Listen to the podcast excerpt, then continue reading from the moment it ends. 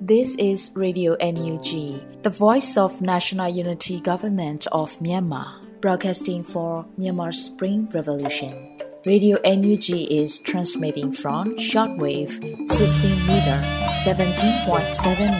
MHz at 8:30 a.m. and 25 meter 11.94 MHz at 8:30 p.m. Myanmar Standard Time.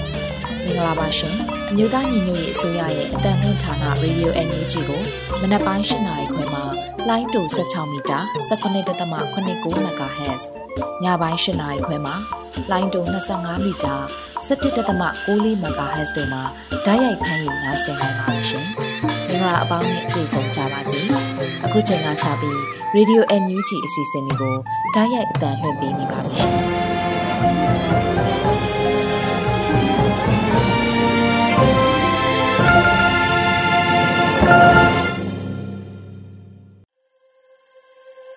မင်္ဂလာနံနက်ခင်းပါခင်ဗျာကောင်းကျိုးမင်္ဂလာဖျားဖျားနဲ့ပြည့်စုံကြပါစေကြောင်းရေဒီယို UNG ဝိုင်းတော်သားတွေကဆုတောင်းမေတ္တာပို့သအပ်ပါတယ်အမျိုးသားညီညွတ်ရေးအစိုးရရဲ့ရေဒီယို UNG မှနိုဝင်ဘာလ23ရက်မနက်ခင်းအစီအစဉ်များထုတ်လွှင့်ဖို့အချိန်ကြာရောက်လို့လာပါပြီကျွန်တော်ကတော့လွတ်လပ်နေဦးပါ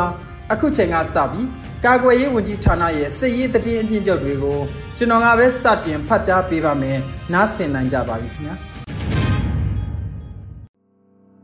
မင်္ဂလာပါခင်ဗျာအမျိုးသားညီညွတ်ရေးအစိုးရ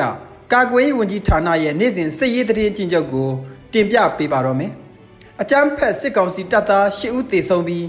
အကြမ်းဖက်စစ်ကောင်စီတပ်သား2ဦးဒဏ်ရာရတဲ့တရင်ကို တင်ပြသွားမှာဖြစ်ပါတယ်အဆိုပါစစ်ကောင်စီနဲ့တိုက်ပွဲဖြစ်ပွားမှုတရင်များမှာမွန်ပြည်နယ်တွင်နိုဝင်ဘာလ12ရက်နေ့မနက်9:30မိနစ်အချိန်မှမနက်6:30မိနစ်အချိန်ထိကြံမယောမြို့နယ်6နှစ်ခွတံတားနဲ့ရဲစခန်းအား KNLA နဲ့ PDF ပူးပေါင်းတပ်ဖွဲ့များကဝင်ရောက်စီးနင်းတိုက်ခိုက်၍ရဲစခန်းအားမိရှို့ဖျက်ဆီးခဲ့ရာစစ်ကောင်စီတပ်ကလေကြောင်းတိုက်ခိုက်မှုများလှုပ်ဆောင်နေသဖြင့်ပြည်သူတထောင်ကျော်ပိတ်မိနေခဲ့ပါတယ်။ရဲစခန်းတိုက်ခိုက်မှုတွင်6နှစ်ခွစခန်းမူဒုရဲမူလှကျော်ဦးအပါဝင်ရဲ2ဦးသေဆုံး၍ရဲ4ဦးကိုအရှင်ဖမ်းမိက M16 လေးလက် AK47 တလက်60မမတလက်နဲ့ခဲရမိကြောက်ချို့တို့ကိုသိမ်းဆည်းရမိခဲ့ပါတယ်။ နိုဝင်ဘာလ12ရက်နေ့မနက်9နာရီခန့်ကဘီလင်းမြို့နယ်တောက်ရကျေးရွာဘီလင်းတိုးဂိတ်ဟောင်းနာရှိစစ်ကောင်စီစစ်စေးရေးဂိတ်ကို KNL ပူးပေါင်းအဖွဲ့ကလက်နက်ကြီးလက်နက်ငယ်များနဲ့ပစ်ခတ်တိုက်ခိုက်ခဲ့ရာစစ်ကောင်စီတပ်သား2ဦးထိခိုက်ဒဏ်ရာရရှိခဲ့ကြပါတယ်။နိုဝင်ဘာလ17ရက်နေ့မနက်6နာရီခန့်မှာလဲဘီလင်းမြို့နယ်တောက်ရကျေးရွာရန်ကုန်မော်လမြိုင်ကားလမ်းပေါ်တွင်တထုံဘက်မှဘီလင်းဘက်သို့ဆင်းလာသည့်စစ်ကောင်စီရင်တန်းကို KNL ပူးပေါင်းအဖွဲ့များကလက်နက်ကြီးလက်နက်ငယ်များဖြင့်တိုက်ခိုက်ခဲ့ရာ အကြမ်းဖက်စစ်ကောင်စီကားတစ်စီးကိုထိမှန်ခဲ့ပါတယ်။ပဲခူးတိုင်းတွင်နိုဝင်ဘာလ12ရက်နေ့နနက်ပိုင်းကရွှေကျင်မြို့နယ်ဘောကထာကျေးရွာနီးတွင် BGF တပ်သားအပါဝင်စစ်ကောင်စီတပ်သားများနဲ့ပြည်သူ့ကာကွယ်ရေးတပ်တို့တိုက်ပွဲပြင်းထန်ခဲ့ကြောင်းသိရှိရပါတယ်။တနင်္လာရီတိုင်းတွင်နိုဝင်ဘာလ17ရက်နေ့မနက်6နာရီခန့်ကဒဝယ်မြို့ဘက်မှပလောသို့ဥတီဆင်းလာသည့်စစ်ကောင်စီရင်နှန်း3စီးကိုတရက်ချောင်းမြို့နယ်ရငဲရွာနဲ့ကတွဲရွာကြားလမ်းပိုင်းတနေရာတွင် ပတိတလုံးအဖွဲ့ဂလုံမင်းအဖွဲ့ကြားရိုင်းအဖွဲ့တို့ပူးပေါင်းပြီးမိုင်းဆွဲတိုက်ခိုက်လိုက်ရာစစ်ကောင်စီတပ်သား9ဦးထိခိုက်သေဆုံးပြီးအလောင်းများကိုကားပေါ်ယူတင်သွားခဲ့ကြောင်းသိရှိရပါတယ်။နိုဝင်ဘာလ17ရက်နေ့ညနေ6နာရီခန့်ကပုတ်ပြင်းမြို့နယ်ချောင်းမွန်နဲ့ဝါချောင်းရွာနီးတွင်စစ်ကောင်စီတပ်သားများနဲ့ PDF တပ်ဖွဲ့ဝင်များမိနစ်20ခန့်အပြန်အလှန်ပစ်ခတ်မှုဖြစ်ပွားခဲ့တယ်လို့သိရှိရပါတယ်ခင်ဗျာ။ဆက်လက်ပြီးစစ်ကောင်စီကျူးလွန်ခဲ့သောရာဇဝတ်မှုများကိုတင်ပြပေးပါမယ်။ ရခိုင်ပြည်နယ်တွင်နိုဝင်ဘာလ17ရက်နေ့ကဘူးတီတောင်မြို့နယ်ဘူးတီတောင်မြို့အမှတ်3ရပ်ကွက်ရှိပေါ်တယ်ယူနိုက်တက်စားတောက်ဆိုင်တွင်ထိုင်နေသောထွေအုပ်စည်ရင်းများဖြစ်သည့်ဦးမြတ်စော်နှင့်ဦးအောင်နိုင်စိုးကျေးလက်ဒေသဖြစ်မျိုးတိုးတက်ရေးဦးစီးဌာနမှဦးစော်မျိုးသူဦးအောင်နိုင်ဦးစော်လိုင်ဦးဦးလွေမျိုးတန်းနှင့်ဦးမင်းမြတ်ကျော်တို့ကိုဘူးတီတောင်တပ်နယ်မှစစ်ကောင်စီတပ်သားများကဖမ်းဆီးသွားကြောင်းသိရှိရပါတယ်။ရှမ်းပြည်နယ်တွင်နိုဝင်ဘာလ17ရက်နေ့ကရွှေညောင်မြို့နယ်ရွှေညောင်မြို့မှ လက်ရှိနေရင်းကောင်းဆောင်ရဲအုပ်ဇော်သူနဲ့အဖွဲ့သည်ဒေသခံပြည်သူများကိုတခိုးဟုဆွဆွဲပြီးဖမ်းဆီးရိုက်နှက်ငွေညှစ်နေကြောင်းသိရှိရပါတယ်။နိုဝင်ဘာလ17ရက်နေ့ကကလောမြို့နယ်အောင်ပန်းမြို့တွင်စစ်ကောင်စီရဲ့ဖမ်းဆီးထိန်းသိမ်းခြင်းခံထားရသောသွေးလှူရှင်အသင်းကောင်းဆောင်ကိုတရုတ်ကြီးနဲ့၎င်း၏အဖွဲ့ဝင်၄ဦးတို့ကိုစစ်ကောင်စီက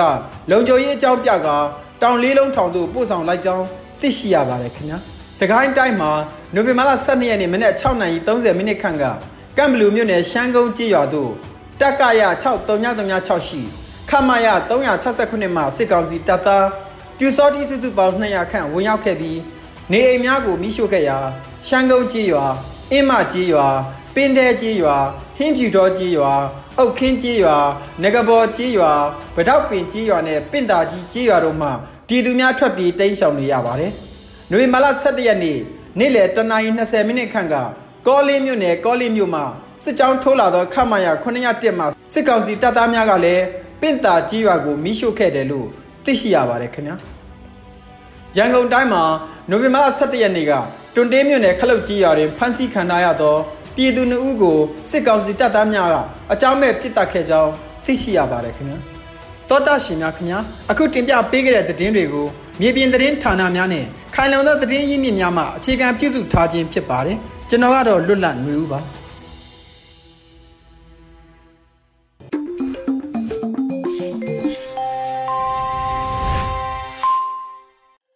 ရေဒီယိုအန်ယူဂျီရဲ့အစီအစဉ်တွေကိုနားဆင်နေကြရတာပါဆက်လက်ပြီးနောက်ဆုံးရသတင်းတွေကိုစောတဲလူနေကတင်ပြပေးပါဦးမယ်ခင်ဗျာမင်္ဂလာပါအခုချိန်ရစပြီးမနက်ပိုင်းပြည်တွင်သတင်းများကိုစတင်တင်ပြပေးပါမယ် ပထမအဦးဆုံးသတင်းတစ်ပုဒ်အနေနဲ့လူသားချင်းစာနာထောက်ထားမှုဆိုင်ရာကူညီများပေးအပ်ရန်အတွက်အာဆီယံထွေထွေတင်းမှုချုပ်အပါအဝင် HAH စင်တာတို့နဲ့ပူးပေါင်းဆောင်ရွက်ရန်အသင့်ဖြစ်နေပြီလို့အမျိုးသားညီညွတ်ရေးအစိုးရကထုတ်ပြန်လိုက်တဲ့သတင်းဖြစ်ပါတယ်။နိုဝင်ဘာလ12ရက်အမျိုးသားညီညွတ်ရေးအစိုးရသမရယုံကထုတ်ပြန်ကြေညာချက်အရသတင်းရရှိပါတယ်။ထုတ်ပြန်ကြေညာချက်အရ5 point consensus 5PC အကောင့်ထဲပုံမှုတွင်တိုးတက်မှုမရှိခြင်းကအခြားရွေးချယ်စရာများကိုစူးစမ်းလေ့လာရန်လိုအပ်ကြောင်းအမျိုးသားညီညွတ်ရေးအစိုးရကသဘောတူကအာဆီယံနိုင်ငံရေးဝန်ကြီးများနှင့်မြန်မာနိုင်ငံဆိုင်ရာအာဆီယံသဘာပတိ၏အထူးတန်တမန်တို့နှင့်လက်တွဲဆောင်ရွက်ရန်အသင့်ဖြစ်နေပြီဖြစ်တယ်လို့ဖော်ပြထားပါတယ်။ဒါအပြင်မြန်မာနိုင်ငံရှိလူမှုတိုင်းဝန်းအားလုံးကိုလူသားချင်းစာနာထောက်ထားမှုဆိုင်ရာအကူအညီများပေးအပ်ရန်အတွက်လည်း အာဆီယံအထွေထွေတွင်းမှုချုပ်နဲ့ HAA စင်တာတို့နဲ့ပူးပေါင်းဆောင်ရွက်နိုင်ရန်အမျိုးသားညီညွတ်ရေးအစိုးရကအသင့်ဖြစ်နေပြီဖြစ်ကြောင်းသတင်းရရှိပါရခင်ဗျာ။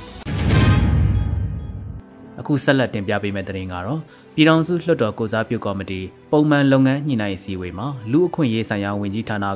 1982ခုနှစ်နိုင်ငံသားဥပဒေနဲ့ပတ်သက်တဲ့လေးလာသုံးသပ်မှုစာတမ်းကိုရှင်းလင်းတင်ပြခဲ့တဲ့သတင်းဖြစ်ပါတယ်။ ပြည်ထောင်စုလွှတ်တော်ကိုစားပြုကော်မတီပုံမှန်လုပ်ငန်းညှိနှိုင်းအစည်းအဝေးမှာလူအခွင့်ရေးဆိုင်ရာဝန်ကြီးက1982ခုနှစ်နိုင်ငံသားဥပဒေနဲ့ပတ်သက်တဲ့လေးလာသုံးသပ်မှုစာတမ်းကိုရှင်းလင်းတင်ပြခဲ့ပါတယ်။နိုဝင်ဘာလ17ရက်နေ့ဗီဒီယိုကွန်ဖရင့်မှတဆင့်လေးလာသုံးသပ်မှုစာတမ်းရှင်းလင်းတင်ပြခဲ့တာဖြစ်ပြီးအစည်းအဝေး၌ပြည်ထောင်စုလွှတ်တော်ကိုစားပြုကော်မတီဥက္ကဋ္ဌဦးအောင်ကြည်ညွန့်ကဥစွာအဖွင့်အမှားစကားပြောကြားခဲ့ပါတယ်။ပြီးနောက်လူခွင့်ရေးဝန်ကြီးဌာနပြည်ထောင်စုဝန်ကြီးဦးအောင်မျိုးမင်းက အမျိုးသားညီညွတ်ရေးဆိုရ၏မူဝါဒများနဲ့အစီအစဉ်များအားလုံးသည်လူအခွင့်ရေးစံချိန်စံညွှန်းများကိုထည့်သွင်းစဉ်းစားပြီးကိုက်ညီစေခြင်းဟူသည့်လုပ်ငန်းကိုဝင်ကြီးဌာနစတင်ဖွဲ့စည်းကြတဲ့ကဆောင်ရွက်လျက်ရှိတဲ့နှင့်အညီ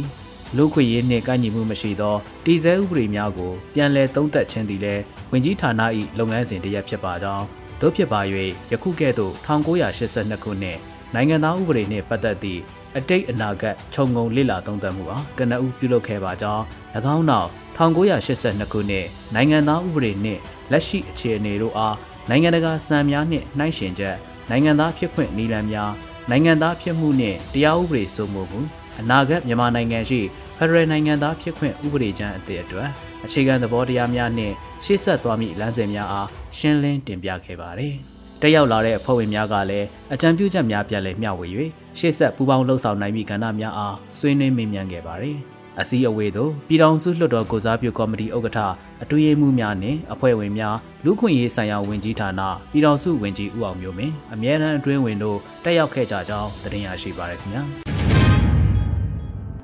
အခုဆက်လက်ပြီးတော်လန်ရေးကာလအချိတ်ဆက်မိမိဆောင်ရွက်နိုင်ရေးအရေးကြီးတယ်လို့ပြည်ထရေးဒုဝန်ကြီးပြောကြားလိုက်တဲ့သတင်းကိုဆက်လက်တင်ပြပေးပါမယ်။တော်လန်ရေးကာလအချိတ်ဆက်မိမိဆောင်ရွက်နိုင်ရေးအရေးကြီးတယ်လို့ပြည်ထရေးဒုဝန်ကြီးခုတဲဘူးကဆိုခဲ့ပါတယ်။ နိုဝင်ဘာလ12ရက်အမျိုးသားညီညွတ်ရေးအစိုးရဂျာကာလာဒေသန္တရပြည်သူ့အုပ်ချုပ်ရေးဖော်ဆောင်မှုဗဟိုကော်မတီနှင့်ပဲခူးတိုင်းပြည်သူ့အုပ်ချုပ်ရေးအဖွဲ့များတွဲဆုံဆွေးနွေးပွဲမှာဒုဝန်ကြီးခူရဲဘူးကထည့်သွင်းပြောကြားခြင်းဖြစ်ပါတယ်။ပဲခူးတိုင်းပြည်သူ့အုပ်ချုပ်ရေးအဖွဲ့များအနေနဲ့မြေပြင်အခြေအနေများကိုအပြန်အလှန်ဆွေးနွေးပေးသည်ကိုကျေးဇူးတင်ရှိကြောင်းဌဌာနဆိုင်ရာတည်တည်မှလည်းလိုအပ်သည့်လုပ်ငန်းများကိုချိတ်ဆက်ပြီးပူးပေါင်းဆောင်ရွက်သားရန်ဖြစ်ကြောင်းတော်လိုင်းကာလ၌အချိတ်ဆက်မိမိဆောင်ရွက်နိုင်ရသည့်အရေးကြီးကြောင်းဒုဝန်ကြီးကဆိုခဲ့ပါတယ်။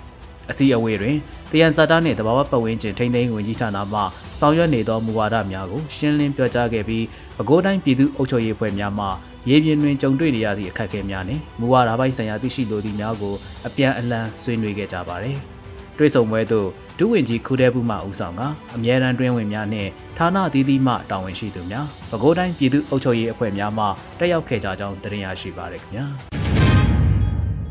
အခုတခါအများပြည်သူဘေးအန္တရာယ်ကင်းစွာပညာသင်ကြားနိုင်ရေးဟာဦးစားပေးအလေးထားဆောင်ရွက်ရမယ့်ကိစ္စဖြစ်တယ်လို့ပညာရေးအဖွဲ့အစည်းများပူးပေါင်းဆောင်ရွက်ပေးရန်ဒုဝန်ကြီးဂျာထွဲပန်တိုက်တွန်းလိုက်တဲ့သတင်းကိုဆက်လက်တင်ပြပါမယ်။အများပြည်သူဘေးအန္တရာယ်ကင်းစွာပညာသင်ကြားနိုင်ရေးဟာဦးစားပေးလေးထားဆောင်ရွက်ရမယ့်ကိစ္စဖြစ်လို့ပညာရေးအဖွဲ့အစည်းများပူးပေါင်းဆောင်ရွက်ကြရန်ဒုဝန်ကြီးဂျာထွဲပန်ကတိုက်တွန်းပြောကြားလိုက်ပါတယ်။နိုဝင်ဘာလ12ရက်နေ့မှာပညာရေးနဲ့ပတ်သက်လို့ပညာရေးဝန်ကြီးဌာနဒုတိယဝန်ကြီးဂျာထွဲပန်ကအသိပေးဆိုခဲ့တာဖြစ်ပါတယ်။ တော်လိုင်းကာလအတွင်းပြည်သူတော်လှန်ပညာရေးအားကောင်းစေဖို့ပြည်သူပညာရေးကျောင်းတွေအားကောင်းလာစေဖို့မိဘပြည်သူကျောင်းသားကျောင်းသူများယုံကြည်စိတ်ချစွာနဲ့ပညာသင်ကြားနိုင်ဖို့အတွက်ပညာရေးဝန်ကြီးဌာနအနေနဲ့အထူးအလေးထားဆောင်ရွက်လျက်ရှိပါတယ်။ဒီလိုလှုပ်ဆောင်တဲ့အခါမှာကျောင်းတွေပညာရေးဖွဲ့စည်းတွေကလည်းအတူလက်တွဲဆောင်ရွက်ပေးဖို့လိုအပ်ပါတယ်။ပညာရေးဝန်ကြီးဌာနရဲ့မူဝါဒအောက်ရှိသည်ဖြစ်စေမရှိသည်ဖြစ်စေအများပြည်သူစိတ်ချအန္တရာယ်ကင်းစွာ ပညာသင်ကြားနိုင်ရေးဟာဦးစားပေးအလေးထားဆောင်ရွက်ရမယ့်ကိစ္စဖြစ်တယ်လို့ဆိုပါတယ်။ဒါအပြင်ပညာရေးဝန်ကြီးဌာနအနေနဲ့လည်းဗဟိုချုပ်ကင်အမိန့်ပေးလှုပ်ဆောင်တာမျိုးမရှိအောင်အထူးသတိထားပြီးလုပ်ငန်းလှုပ်ဆောင်ရမှာလဲအားလုံးနဲ့အလျားလိုက်ချိတ်ဆက်ညှိနှိုင်းဆောင်ရွက်နေတာဖြစ်တယ်လို့ဒုဝန်ကြီးကထပ်လောင်းပြောကြားခဲ့ကြောင်းသတင်းရရှိပါရခင်ဗျာလူနည်းစုအခွင့်အရေးကိုကာကွယ်ပေးနိုင်တဲ့နိုင်ငံတော်အသစ်ကိုတည်ဆောက်နိုင်ဖို့စ조사ကြရမယ်လို့လူခွင့်ရေးဆိုင်ရာဒုဝန်ကြီးပြောကြားလိုက်တဲ့သတင်းကိုဆက်လက်တင်ပြပေးပါမယ်။ လူနည်းစုအခွင့်အရေးကိုကာကွယ်ပေးနိုင်တဲ့နိုင်ငံတော်အသစ်ကိုတည်ဆောက်နိုင်ရေးစ조사ကြရမယ်လို့လူခွေရေးဆိုင်ရာဒုတိယဝန်ကြီးကွန်ပဟန်ထန်ကပြောကြားခဲ့ပါတယ်။နိုဝင်ဘာလ12ရက်နေ့တွင်ဩစတြေးလျနိုင်ငံမဲလ်ဘုန်းမြို့မှာကျင်းပတဲ့ Humanitarian Fundraising for Communities of Burma ရန်ပုံငွေပွဲမှာဒုတိယဝန်ကြီးကအခုလိုပြောကြားခဲ့တာဖြစ်ပါတယ်။ဆေးအာနာရှင်စနစ်အား22လကျော်ကြာကြံ့ကြံ့ခံဒေါ်လာနေသည်ကိုကြည်ချင်းအဖြစ်မြမပြည်သူလူထုအနေဖြင့်၎င်းတို့၏ရပိုင်ခွင့်အခွင့်အရေးနှင့်လွတ်လပ်ခွင့်တို့နှင့်ပတ်သက်၍ မိမြအလေးနက်ထားသည်ကိုတွေ့နိုင်ကြောင်းငြိမ်းချမ်းရေးတရားမျှတမှုဒဏ်ညူညီမျှမှုအားလုံးပူးပေါင်းပါဝင်နိုင်မှုလူနည်းစုအခွင့်အရေးကိုအကာအကွယ်ပေးနိုင်မှုတို့ပါဝင်သည့်နိုင်ငံတော်တစ်ကိုတိစောက်ရန်စ조사ကြရမည်ဖြစ်ကြောင်းဒူဝင်ကြီးကဆိုခဲ့ပါတယ်။အဆိုပါရန်ပုံငွေပွဲသို့ Labor Party Victoria Government Treasurer မှလွှတ်တော်အမတ် Haunton Palace Labor Party Chief Government Whip ဖြစ်သူလွှတ်တော်အမတ် John Ryan Wenham Community and Education Center ၏ CEO ဖြစ်သူ ဒေါက်တာ Jenny Barria နှင့်ကရင် and Chin community မှဦးဆောင်သူများလည်းတက်ရောက်ခဲ့ကြကြောင်းသတင်းရရှိပါရခင်ဗျာအခုတင်ပြပေးသွားမှာကတော့ရန်ကုန်မြို့တိမ်ပြူလမ်းမပေါ်ရှိရဲမင်းအောင်မန်နီချိန်ကြာကိုတနက်ပြ၍ငွေ300နီးပါးလူရက်သွားခဲ့တဲ့သတင်းပဲဖြစ်ပါတယ်ရန်ကုန်မြို့တိမ်ပြူလမ်းမပေါ်ရှိရဲမင်းအောင်မန်နီချိန်ကြာကိုတနက်ပြ၍300နီးပါးလူရက်သွားတယ်လို့သတင်းရရှိပါတယ်။ နိုဝင်ဘာလ12ရက်နေ့ညနေ4:15မိနစ်အချိန်ကရန်ကုန်မြို့မင်္ဂလာတောင်ညွန့်မြို့နယ်တိမ်ပြူလမ်းမပေါ်ရှိရဲမင်းအောင်မန်းနီချိန်ကြားကိုလူနှစ်ယောက်ကပစ္စတိုနှစ်လက်နဲ့ဝင်ရောက်လူရက်သွားခြင်းဖြစ်တယ်လို့စုံစမ်းသိရှိရပါတယ်။အဆိုပါလူရက်သူများဟာကယ်လ်ဒီနာအဖြူဖြင့်လာရောက်ခါကာထားသည့်မှန်တကားများကိုရိုက်ခွဲပြီးမြန်မာငွေ300နီးပါးနဲ့ iPhone တစ်လုံးကိုယူဆောင်သွားခဲ့ပါတယ်။လူရက်သူနှစ်ဦးအပြန်တွင်ပစ္စတိုတနက်တက်လက်ကြံခဲ့ပြီးဆိုင်ရှိအမျိုးသားဝန်ထမ်းတအုပ်နဲ့အမျိုးသမီးဝန်ထမ်းတအုပ်တို့ဒဏ်ရာရရှိခဲ့တယ်လို့သတင်းရရှိပါတယ်။ စစ်အာဏာသိမ်းပြီးနောက်ရန်ကုန်မြို့မြို့လယ်ခေါင်တွင်လူရဲမှုနှင့်လူသက်မှုများပေါ်များလာခဲ့တာလာပေါင်းများစွာကြာမြင့်ပြီဖြစ်တယ်လို့သတင်းရရှိပါရခင်ဗျာ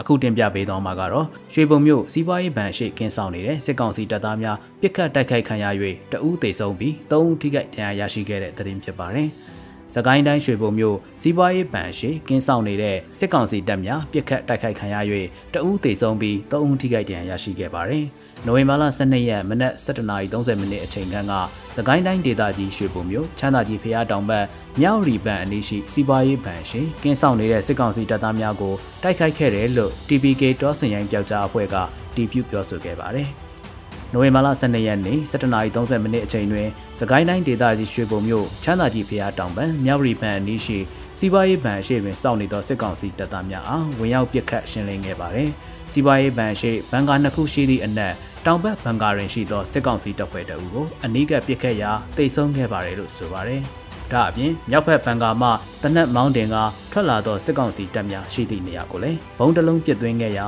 ထိခိုက်ဒဏ်ရာရရှိသူ၃ထပ်မင်းရှိနိုင်တယ်လို့သတင်းရရှိပါတယ်။အဆိုပါမစ်ရှင်ဟာတပိတ်ချင်းမြို့နယ်ပကဖ TPK တောစင်ရိုင်းပျောက်ကြားတပ်ဖွဲ့နဲ့ MT Black Dragon People Defense Force တို့မှပူးပေါင်းဆောင်ရွက်ခဲ့ခြင်းဖြစ်ပြီးရဲဘော်များလည်းအထူးကိမရှိအောင်မြင်စွာဆုတ်ခွာနိုင်ခဲ့ကြောင်းသတင်းရရှိပါရခင်ဗျာ။ ထိခိုက်ဒဏ်ရာရရှိတဲ့စစ်ကောင်စီတပ်သားတွေကိုလာတဲတဲ့ MI-17 ရဟတ်ရင်တပင်းရင်ဘောလုံးကွင်းနဲ့မြေပြင်ဆင့်သက်ချိန်ကာကွယ်ရေးတပ်များဝိုင်းဝန်းပစ်ခတ်တိုက်ခိုက်ခဲ့တဲ့တဲ့ရင်ကိုဆက်လက်တင်ပြပေးပါမယ်။စကိုင်းတိုင်းတပင်းမြို့နယ်မှာထိခိုက်ဒဏ်ရာရထားတဲ့စစ်ကောင်စီတပ်သားတွေကိုလာရောက်တည်ယူတဲ့ MI-17 ရဟတ်ရင်ဟာတပင်းရင်ဘောလုံးကွင်းနဲ့မြေပြင်ဆင့်သက်ချိန်ကာကွယ်ရေးတပ်များကဝိုင်းဝန်းပစ်ခတ်တိုက်ခိုက်ခဲ့ပါတယ်။နိုဝင်ဘာလ12ရက်နေ့မှာစစ်ရေးသတင်းကို Freedom Revolution Force FRF ကအတည်ပြုပြောဆိုခဲ့ပါတယ်။ တပရင်ဘောလုံးကွင်းထဲသို့စစ်ကောင်စီတပ်သားများလာတဲ့သောရဟတ်ရင်တစီ MI-17 ကို Freedom Revolution Force FRF ရေးကြော်ဖိုက်တာ Yan Viber Squad မွေဝေးတို့ကလက်လုံအဝေးပစ်များဖြင့်ဝိုင်းဝန်းပစ်ခတ်ခဲ့တယ်လို့ဆိုပါတယ်။လက်လုံလက်နက်ကြီးများဘောလုံးကွင်းထဲသို့တိတိကျကျကြာရောက်ခဲ့သည့်အတွက်ရဟတ်ရင်ပြန်တန်းထွက်ပြေးတင်းချောင်သွားခဲ့တယ်လို့သတင်းရရှိပါရခင်ဗျာ။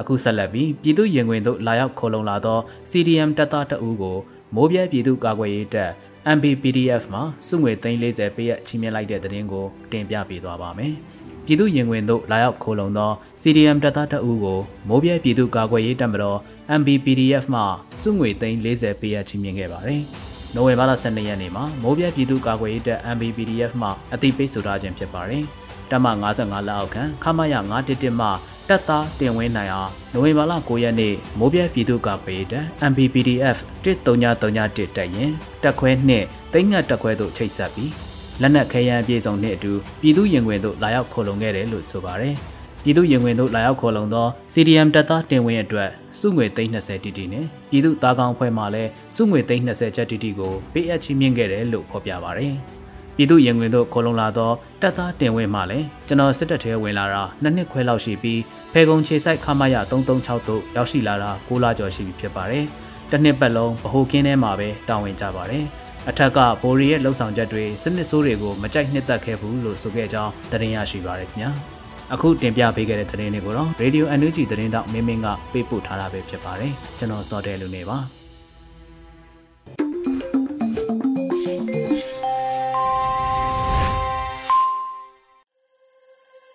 နိုဝင်ဘာလ23ရက်မနေ့ခင်းသတင်းအစီအစဉ်တွေကိုနားဆင်လို့အပြီးမှာတော့ပြည်သူခုခံစစ်သတင်းများကိုဆက်လက်နားဆင်ရအောင်မှာပါ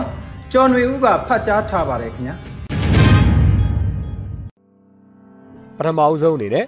ရွှေဘုံမှာပြူစောတိကျေးရွာကိုတော်လှန်ရေးတပ်တွေတိုက်ခိုက်တဲ့သတင်းကိုတင်ဆက်ပါမယ်။စကိုင်းတိုင်းရွှေဘုံမြို့နယ်ကစစ်ကောင်စီလက်ဝေခံပြူစောတိတွေစခန်းချထားတဲ့မြင်းစီကျေးရွာကိုနိုဝင်ဘာ17ရက်နေ့မှာဒေသခံတော်လှန်ရေးတပ်ဖွဲ့တွေပူးပေါင်းပြီးတိုက်ခိုက်ခဲ့တယ်လို့ Black Eagle Local PDF ရကြီးပကဖခင်ဦးတပ်ဖွဲ့ထံကသိရပါဗျ။ပြူစောတိတွေစကန်ချထားတဲ့မြင်းစီကြီးရွာကို60မမ120မမလက်နက်ကြီးတွေလက်နက်ငယ်တွေနဲ့ပစ်ခတ်တိုက်ခိုက်ခဲ့တာဖြစ်ပြီးပစ်ခတ်မှုတွေအတွင်းပြူစောတိ3ယောက်လဲကျသွားတာကိုမြင်ခဲ့ရပေမဲ့အထူးကအကြဆုံးစင်းကိုတော့တည်တည်ချာချာမသိရသေးဘူးလို့ Black Eagle Local PDF ရကြီးပကဖခင်ဦးထံကနေသိရပါဗျ။ဒုတိယသတင်းတစ်ပုဒ်အနေနဲ့ မြင်းမူမှာကင်းဘုံဝင်နေတဲ့စစ်ကောင်စီတပ် drone နဲ့ဘုံကျဲတိုက်ခိုက်ခံရတဲ့တဲ့ရင်ကိုတင်ဆက်ပါမယ်။စကိုင်းတိုင်းမြင်းမူမြို့နယ်ဘိုးမင်းကြီးကင်းကျေးရွာနားမှာကင်းဘုံဝင်နေတဲ့စစ်ကောင်စီတပ်တွေကိုနိုဝင်ဘာ17ရက်နေ့မှာ drone နဲ့ဘုံကျဲတိုက်ခိုက်ခဲ့တယ်လို့ Black Eagle Defense Force MMU မြင်းမူလင်းယုံနဲ့ကာကွယ်ရေးအဖွဲ့ကသတင်းထုတ်ပြန်ပါတယ်။ဘိုးမင်းကြီးကင်းကျေးရွာနားကတစ်တော်ထဲမှာကင်းဘုံဝင်နေတဲ့စစ်ကောင်စီတပ်တွေကို drone နဲ့ဘုံနှလုံးကျဲကတိုက်ခိုက်ခဲ့တာဖြစ်ပြီး စစ်ကောင်စီတပ်အထိကိများနိုင်တယ်လို့ Black Eagle Defense Force MMU တပ်ဖွဲ့ကဖော်ပြထားပါတယ်။နောက်ဆုံးအနေနဲ့တင်ဆက်ပေးခြင်းတဲ့သတင်းကတော့ကြိုင်မရောမြို့နယ်6နှစ်ခွရဲစခန်းနဲ့တရားဂိတ်တိုက်ခိုက်ခံရတဲ့သတင်းဖြစ်ပါတယ်။မွန်ပြည်နယ်ကြိုင်မရောမြို့နယ်6နှစ်ခွရဲစခန်းနဲ့တရားဂိတ်ကို KNL နဲ့ PDF တပ်များကတိုက်ခိုက်မှုမှာဒူရဲမှုလှကျော်ဦးနဲ့ရဲတပ်သား2ဦးသေဆုံးပြီးရဲ4ဦးအရှင်ဖမ်းမိကြောင်းသိရှိရပါတယ်။ဒါ့အပြင် M16 လေးလက် AK47 တလက်60မမတလက်နဲ့ခဲယံများလည်းတင်စီရရှိခဲ့ကြောင်းသိရပါတယ်ခင်ဗျာ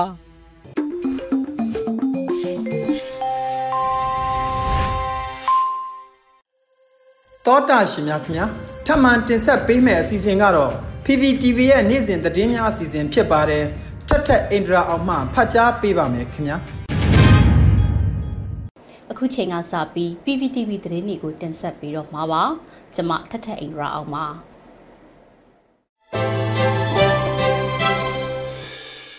ပထမဆုံးတင်ဆက်ပေးမယ့်သတင်းကတော့ကျန်းဘတ်စစ်ကောင်စီကျင်းပမယ့်ရွေးကောက်ပွဲကိုဟန်တာသွားမယ်လို့ချင်းတပ်ပေါင်းစု CJDC အသိပေးလိုက်တဲ့သတင်းမှာအကြမ်းဖက်စစ်ကောင်စီကအာဏာဆက်လက်ရယူနိုင်ရေးအတွက် ရွေးကောက်ပွဲကျင်းပဖို့ပြင်ဆင်လှုံ့ဆော်မှုတွေပြုလုပ်လျက်ရှိရမှာအဲ့ဒီရွေးကောက်ပွဲဖြစ်စဉ်ကိုတက်နိုင်သမျှဟန်တာသွားမှာဖြစ်ကြောင်းချင်းလက်နက်ကိုင်တပ်ဖွဲ့18ဖွဲ့စုပေါင်းဖွဲ့စည်းထားတဲ့ချင်းပြည်ပူးပေါင်းကာကွယ်ရေးကော်မတီ CJDC ကနိုဝင်ဘာလ17ရက်နေ့မှာထုတ်ပြန်အတည်ပြုလိုက်ပါတယ်။ CJDC အနေနဲ့ဒီမိုကရေစီနဲ့အညီလွတ်လပ်ပြီးတရားမျှတတဲ့ရွေးကောက်ပွဲစနစ်ကိုသာလက်ခံတာဖြစ်လို့အကြမ်းဖက်စစ်ကောင်စီကကျင်းပမယ်ရွေးကောက်ပွဲအလုံးကိုလုံးဝလက်ခံမှာမဟုတ်ကြောင်းထုတ်ပြန်ခဲ့တာပါ အကြမ်းဖက်စစ်ကောင်စီကကျင်းပမဲ့ရွေးကောက်ပွဲဖြစ်စဉ်တွေမှာပြည်သူတွေအနေနဲ့ပူးပေါင်းပါဝင်မှုမလုပ်ကြဘူးလဲ CJDC ကတိုက်တွန်းထားပါသေးတယ်။ဒါအပြင်အကြမ်းဖက်စစ်ကောင်စီအမြင့်ပြတ်ချေမှုန်းရေးတိုက်ပွဲတွေဆင်နွှဲနေကြစဉ်နိုင်ငံရေးမတည်မငြိမ်ဖြစ်နေတဲ့အခြေအနေတွေကိုအခွင့်ကောင်းယူပြီးတော့မူရစ်စေဝါအမျိုးမျိုးနဲ့စိတ်ကိုပြောင်းလဲစေတဲ့စေဝါတွေအထင်းကွန်မဲ့ရောင်းဝယ်ဖောက်ကားမှုတွေရှိလာနေလို့ချင်းပြည်တွင်မူရစ်စေဝါများထုတ်လုပ်တာ ရောင်းဝယ်ဖောက်ကားတာနဲ့တုံးဆွဲတာတွေကိုလုံးဝတားဆီးပိတ်ပင်ကြောင်း CGDC ကထုတ်ပြန်ထားပါတယ်အထက်ဖော်ပြပါတားမြစ်ချက်တွေကိုလိုက်နာဆောင်ရွက်ခြင်းမရှိဘဲတစုံတရာချိုးဖောက်မှုတွေစစ်စစ်တွေ့ရှိပါကလှုပ်ထုံးလုံကြီးတွေနဲ့အညီပြင်းထန်စွာအရေးယူသွားမယ်လို့လည်း CGDC ကအသိပေးထားပါတယ်။လူသားမျိုးနွယ်အပေါ်နီလန်ပေါင်းစုံနဲ့အကြမ်းဖက်လုပ်ရည်တည်ကျူးလွန်တဲ့အာဏာသိမ်းစစ်ကောင်စီအမြင့်ပြည့်ချေမှုန်ရေး အမျိုးသားလွတ်မြောက်ရေးနဲ့ Federal ပြည်ထောင်စုစစ်စစ်ပေါ်ထွန်းပေါ်ပေါက်လာရေးအတွက် CDDC အနေနဲ့တခြားသောတော်လှန်ရေးအင်အားစုတွေနဲ့အတူတိုက်ပွဲဝင်နေတယ်လို့လည်းထုတ်ပြန်ချက်မှာဖော်ပြထားပါတယ်။အခုတခါတင်ဆက်ပေးမှာကတော့ပုံနာကျော်မှာအယက်သားပြည်သူတွေကိုအစုလိုက်အပြုံလိုက်တပ်ဖြတ်ခဲ့တဲ့အကြမ်းဖက်စစ်တပ်ကိုပြင်းထန်စွာလက်စားချေတုံ့ပြန်မယ်လို့အေအေထုတ်ပြန်လိုက်တဲ့သတင်းမှာ ရခိုင်ပြည်နယ်ပုံနာကျော်မြို့မှာအကြမ်းဖက်စစ်တပ်ကပြည်သူလူထုတွေကိုအစုလိုက်အပြုံလိုက်တပ်ဖြတ်ခဲ့တဲ့လုပ်ရအပေါ်မဖြစ်မနေပြင်းထန်စွာတုံ့ပြန်သွားမယ်လို့ရခိုင်တပ်တော်အေအေကထုတ်ပြန်လိုက်တာပါ။ နိုဝင်ဘာလ10ရက်ညနေပိုင်းကအကြမ်းဖက်စစ်တပ်ရဲ့ပုံနာကျွန်းမြို့အခြေဆိုင်ခမရ950တပ်ရင်ဟာပုံနာကျွန်းမြို့နယ်စင်အင်ကြီးကြီးရွာမှာအရတားနေအိမ်တွေကိုမိရှုဖျက်ဆီးခဲ့ကြပြီးရွာတွင်းကတက်ကြီးပိုင်းအပါအဝင်အဖြစ်မဲ့ပြည်သူကိုထက်မင်းအရေးအတွက်ကိုသွေးအေးအေးနဲ့ပြစ်ခတ်တပ်ဖြက်ကစစ်အောင်ဆွဲမှုနဲ့လူသားမျိုးနွယ်အပေါ်ပြစ်မှုကျူးလွန်ခဲ့တယ်လို့ထုတ်ပြန်ချက်မှာဖော်ပြထားပါတယ်။ အဲ့ဒီလုပ်ရဟာတနိုင်ငံလုံးအတိုင်းအတာအားနဲ့ကျူးလွန်နေတဲ့အကြမ်းဖက်စစ်တပ်ရဲ့လူမဆန်တဲ့လုပ်ရက်တွေကအဆိုးရွားဆုံးသောတိတာထင်ရှားတဲ့အစုလိုက်ပြုံလိုက်တပ်ဖြတ်ခဲ့တဲ့ဆရာဆွေမှုကျူးလွန်တာဖြစ်တယ်လို့အေးအေးရဲ့ထုတ်ပြန်ချက်မှာဖော်ပြထားပါတယ်။နိုဝင်ဘာလ10ရက်နဲ့17ရက်နေ့မှာလည်းအကြမ်းဖက်စစ်တပ်ဟာပုံနာကျုံအခြေဆိုင်ခမရ950တရင်စစ်တွေပါဒလိကွမ်းတောင်တပ်စခန်းတွေကလက်နက်ကြီးတွေပစ်ခတ်တာ စစ်ရဟရင်တွေ drone တွေနဲ့ပုံနာချုပ်မြို့နယ်အတွင်းကြေးရွာတွေကိုရည်ရွယ်ချက်ရှိရှိပစ်ခတ်ခဲ့ရာအပြစ်မဲ့ပြည်သူ2ဦးအသက်သေဆုံးခဲ့ပြီးအမျိုးသမီးနဲ့ကလေးငယ်တွေအပါအဝင်ပြည်သူ9ဦးထပ်မံပြင်းထန်စွာဒဏ်ရာရရှိကတချို့ဟာကိုလက်အင်ကဆုံးရှုံးခဲ့ရတယ်လို့ဖော်ပြထားပါတယ်။ အခုလိုလုပ်ရက်တွေဟာလက်နက်ကင်တက်အချင်းချင်းရင်ဆိုင်မတိုက်ရဲပဲအပြစ်မဲ့ပြည်သူတွေကိုသာဥတီတိုက်ခိုက်ခဲ့တဲ့အကြမ်းဖက်စစ်တပ်ရဲ့အလွန်တရေဘောကြောင့်နဲ့ဆက်ဆုပ်ယွန်ရှာပွဲရလုပ်ရက်ဖြစ်တယ်လို့အီအီကဆိုထားပါတယ်။ကျေးဇူးတင်ပါတယ်ရှင်။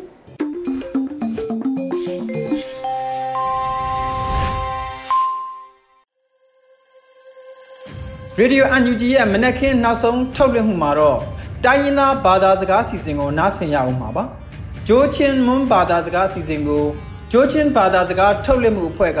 အခုလိုစီစဉ်တင်ဆက်ထားပါတယ်ခင်ဗျာ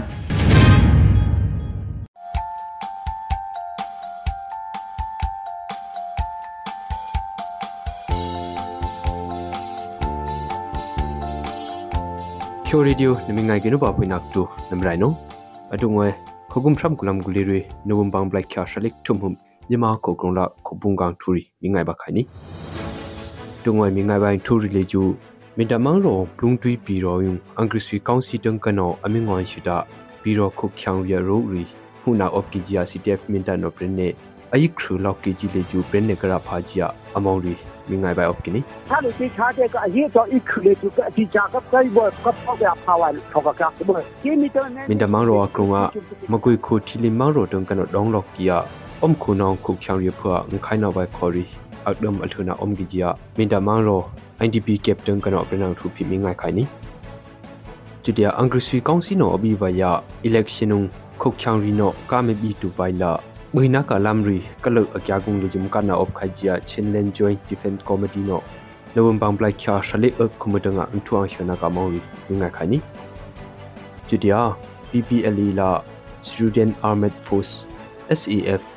SAF angri sui council rana ovajia aning re na ka mawi atungwa shingkano mi ngai khai ni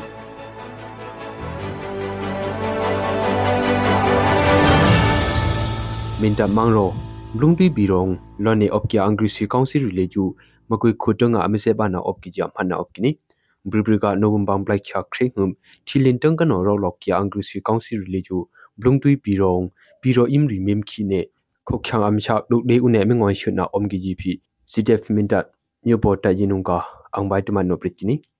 ang krisi council no om na kam lung dui biro yung au kam ha pha ya mion amim khi shira rori agnum om gi gp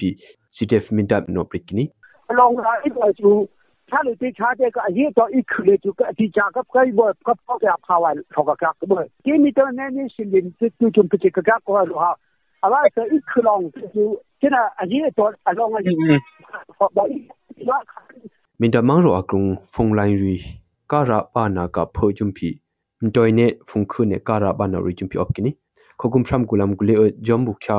un kan o du ne angri sui kaung si le ju min da mang ro blung ti pi ro yung aksuk bu ya ro lo ne khok chang ya pi ro im ri khok chang ya kho ri adna ma da am dim kan na op kini angri sui kaung si no ami om na ka im ri mion am khi na ka pho ma koi kho thi len mang ro yung ka khok chang phyak thum lo li ju min da mang ro dung a lo ne အမျိုးအမနာချိုးလှော်ရှိုလော်ကီဂျာမင်တာမောင်ရော INDP ကပ်တန်ကနောနိုဝမ်ဘမ်ဘလိုက်ချာရှလီရခုံဘွန်ပစ်ကနီအချွနာခုချောင်ရဖိုလီဂျူအက်ဆုဘယာက်ဆောင်အိပခရုကိလေခရူလာခွိဝယံခွိရီအမင်းခိုင်နာအုံနေနိုဝမ်ဘမ်ဘလိုက်ချာခရင်ဟုအင်္ဂရိစီကောင်စီနောအပန်နာကံဘုံတီဘီရောင်အချွနာထီလင်တန်ကရောလော်ကီယာခုချောင်အမ်ရှာဂျုံဖီအုံတုကီဂျာမင်တာမောင်ရော INDP ကပ်တန်ကနောပစ်ကနီအတုဘေချိုခိုအကရုံကခစီကူရောလဘာစီ ami omna khyo thau sho lo ki jia minta mangro IDP captain kano nuwam bang black kha shaliri kho ngubon pritkini achuna khok kyang ria phole ju aksuk bayak sang ip khru kip le khru la ngkhui wa yang khui ri aming khaina omne nuwam bang black kha khrin hu angri sui kaunsi no akpan na kam brungdi birong achuna thilin danga ro lo kia khok kyang am sha jum phi om tu ki jia minda mangro IDP captain kano pritkini adu be khyo kho akrunga khosik ko ro lo ba si om khunong gia khok chang ri pha ek aw wai ring khuri la su khri akdum ba da alhuna om gi gp minta mangro idp captain kano aprena opkini angrisi kaunsi no dumpang ne abi va ya me pe na ku khok chang ri no ka mi se tu vai la chuna ka kya lo yung le ju mkan na ri om lok khai jia chinlen joint defense committee cjdc no khogum phram gulam gule re november black kha shle o khomodanga aprena opkini november black kha thum hum ungkano ခရီဟု အကရုံအမင်းရေနာကုံအချွနာအမဟပ်ဝေချီပီ CJTC တန်ကနလီဂျူပရစ်ကိနီချူတျာအင်္ဂရိဆွီကောင်စီရာနာကာခိနုံရမ်သမ်ရှီရီယွိတုဆုမ်လီနာချွမ်ပီချင်းလန်ဂျွိုင်းဒီဖန်ကော်မတီ CJTC တန်ကနောအမ်ကနာအုံခါဂျီယာပရစ်ကိနီဘာမာ People Liberation Army PPLA လာ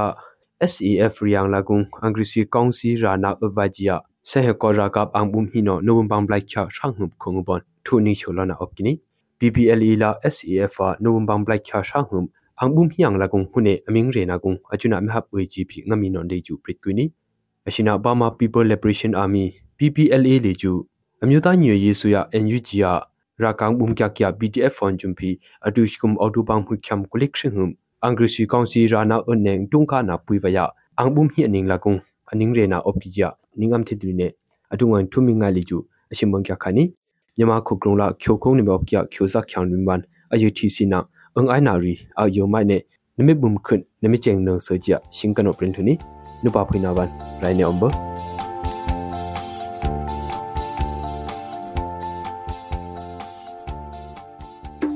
ဒီကနေ့ကတော့ဒီညနဲ့ပဲ Radio NUG ရဲ့အစီအစဉ်လေးကိုခਿੱတရနာလိုက်ပါမယ်ရှင်။ မြမစံတော်ချိန်မနက်၈နာရီခွဲနဲ့ည၈နာရီခွဲအချိန်တွေမှာပြန်လည်ဆုံတွေ့ကြပါစို့။ Radio NUG ကိုမနက်ပိုင်း၈နာရီခွဲမှာလိုင်းတူ16မီတာ17.8 MHz ညပိုင်း၈နာရီခွဲမှာလိုင်းတူ25မီတာ17.6 MHz တို့မှာဓာတ်ရိုက်ဖမ်းလို့နိုင်စေနိုင်ပါပြီ။မြန်မာနိုင်ငံသူနိုင်ငံသားတွေကိုစိတ်နှပြကျန်းမာချမ်းသာလို့ဘေးကင်းလုံခြုံကြပါစေလို့ Radio NUG အဖွဲ့သူဖွဲ့သားတွေကဆုတောင်းမေတ္တာပို့တာလိုက် ရပါတယ်ရှင်။အမျိုးသားညီညွတ်ရေးအစိုးရရဲ့စက်သွေးရေးသတင်းအချက်အလက်တွေလူပညာဝန်ကြီးဌာနကထုတ်လွှင့်နေတဲ့ Radio NUG ဖြစ်ပါတယ်။ San Francisco Bay Area အခြေစိုက်မြန်မာမိသားစုတွေနဲ့နိုင်ငံတကာကစေတနာရှင်လို့အားပေးနေတဲ့ Radio NUG ဖြစ်ပါတယ်။အရေးတော်ပုံအောင်ရမည်